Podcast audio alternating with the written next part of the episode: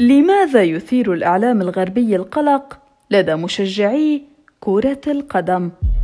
مقال لنينا مونتاغو سميث مع اقتراب موعد انطلاق مونديال كأس العالم 2022 كان من الحتمي أن تطفح وسائل إعلام غربية بكم هائل من المقالات التي تنتقد الدولة المضيفة قطر لماذا تثير قطر القلق لدى مشجعي كرة القدم. هكذا عنون ديفيد أرونوفيتش. مقال رأي له نشر في صحيفة التايمز البريطانية مؤخرا وأعقبه بالعنوان الفرعي. إن السماح لدول مستبدة بأن تنظم كأس العالم هو أمر خاطئ. وما يزيد من فداحة هذا الخطأ دعوة الجماهير إلى احترام الدولة المضيفة. لكن لنتخيل أن دولة أخرى لا تثير مثل هذا الحنق لدى أرونوفيتش هي التي ستستضيف كأس العالم هذا العام ولنقل مثلا إنها الولايات المتحدة هنا سأعيد صياغة العنوان ليصبح لماذا تثير الولايات المتحدة القلق لدى مشجعي كرة القدم؟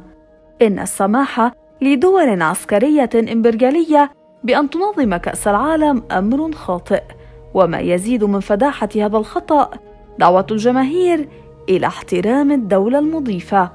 هل ترون ما فعلته؟ والآن فلتجربوه بأنفسكم. اختاروا أي دولة غربية تخطر على بالكم وانظروا إن كان يمكن إسقاط اسمها على العنوان. وبعيدا عن الجدل حول توصيف الولايات المتحدة بأنها دولة عسكرية إمبريالية، فإن علينا على الأقل أن نذكر بأنها الدولة التي تشن هجمات صاروخية سرية باستخدام طائرات مسيرة ضمن حدود دول أخرى ليس للولايات المتحدة عليها أي سيادة، كما أنها الدولة التي لديها قائمة اغتيالات تتضمن أشخاصا رفضوا السرديات الأمريكية حول تعريف الإرهاب. إن قائمة الاغتيالات تعني بالأساس تنفيذ عمليات إعدام بلا محاكمة، وهو أمر يفترض أن يكون محرجا لا سيما إن كنت تنتقد دولا أخرى بدعوى انتهاكات حقوق الإنسان.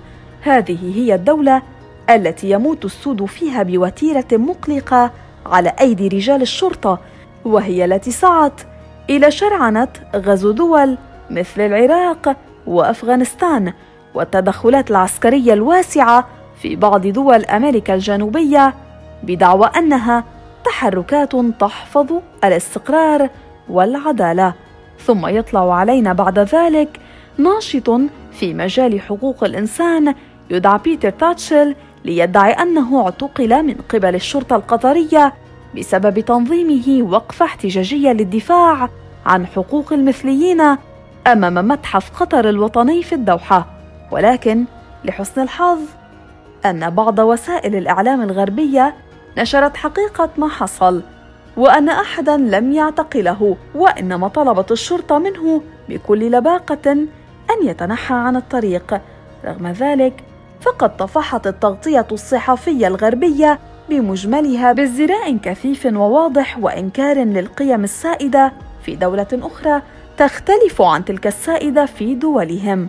على الأقل كان تاتشل منسجما مع مواقفه إذ إنه تظاهر أيضا قبيل بدء مباريات كأس العالم في روسيا إلا أن انتقادات الإعلام الغربي لروسيا حينها وهي من هي فيما يتعلق بانتهاكات حقوق المثليين كانت باهتة للغاية في العام 2018 مقارنة بما تلقاه قطر اليوم لاستضافتها كأس العالم. ثم تأتي صحيفة الجارديان لتنشر بحماسة عنوانا عن احتجاج المنتخب الأسترالي ضد قطر. جاء في خبر الجارديان لاعبو المنتخب الأسترالي ومن بينهم قائده ماريان. أصدروا بيانا جماعيا قويا للاحتجاج على سجل حقوق الإنسان في قطر وهي الدولة التي تثير الجدل باستضافتها البطولة التي تبدأ الشهر المقبل. إن استخدام لفظ تثير الجدل يعد ضربا مدهشا من الغلو فإن أردت القيام ببعض العمل الشاق والذي يعد أمرا استثنائيا هنا إن أردنا الحديث عن دولة لديها أكثر سياسات الهجرة معاداة للأجانب في العالم فإن أستراليا لديها سجل حافل ومخزن من التعامل الوحشي مع المهاجرين واللاجئين الذين وصلوا إلى شواطئها بل إن الكثيرين منهم يساقون إلى مراكز اعتقال ساحلية نائية ويتركون ليعانوا فيها سنوات عديدة لنجرب مجددا أن نعيد صياغة العنوان الذي كتبه ديفيد أرونوفيتش هل يمكننا ذلك؟ لماذا تثير أستراليا القلق لدى مشجعي كرة القدم؟ إن السماح لدول تعامل المهاجرين بوحشية بأن تنظم كأس العالم أمر خاطئ، وما يزيد من فداحة هذا الخطأ دعوة الجماهير إلى احترام الدولة المضيفة. هل يمكنكم تخيل رؤية هذا العنوان في وسائل الإعلام الغربية؟ بالتأكيد لا. يا ترى كم عدد الدول التي يمكن أن ندرج اسمها في هذا العنوان نفسه؟ أيمكن مثلا أن نذكر المملكة المتحدة التي تسعى إلى ترحيل اللاجئين والمهاجرين بالجملة إلى رواندا وهم مكبلون معا بالقوة في مقاعدهم؟ لا شك أنه لا يمكن إغفال المفارقة الناتجة عن وضع الرسم الكرتوني هذا بالذات بجانب مقالة أرونوفيتش أليس كذلك؟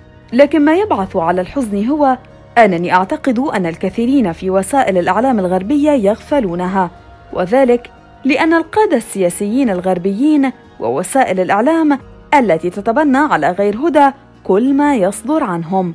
انظروا مثلا إلى ما حدث في خليج غوانتنامو لتجدوا الدليل القاطع على ذلك مقتنعة بشكل كامل أن الطريقة الغربية هي الطريقة الجيدة وهذا في الواقع حكم مثير للاشمئزاز وذو نفس استعماري.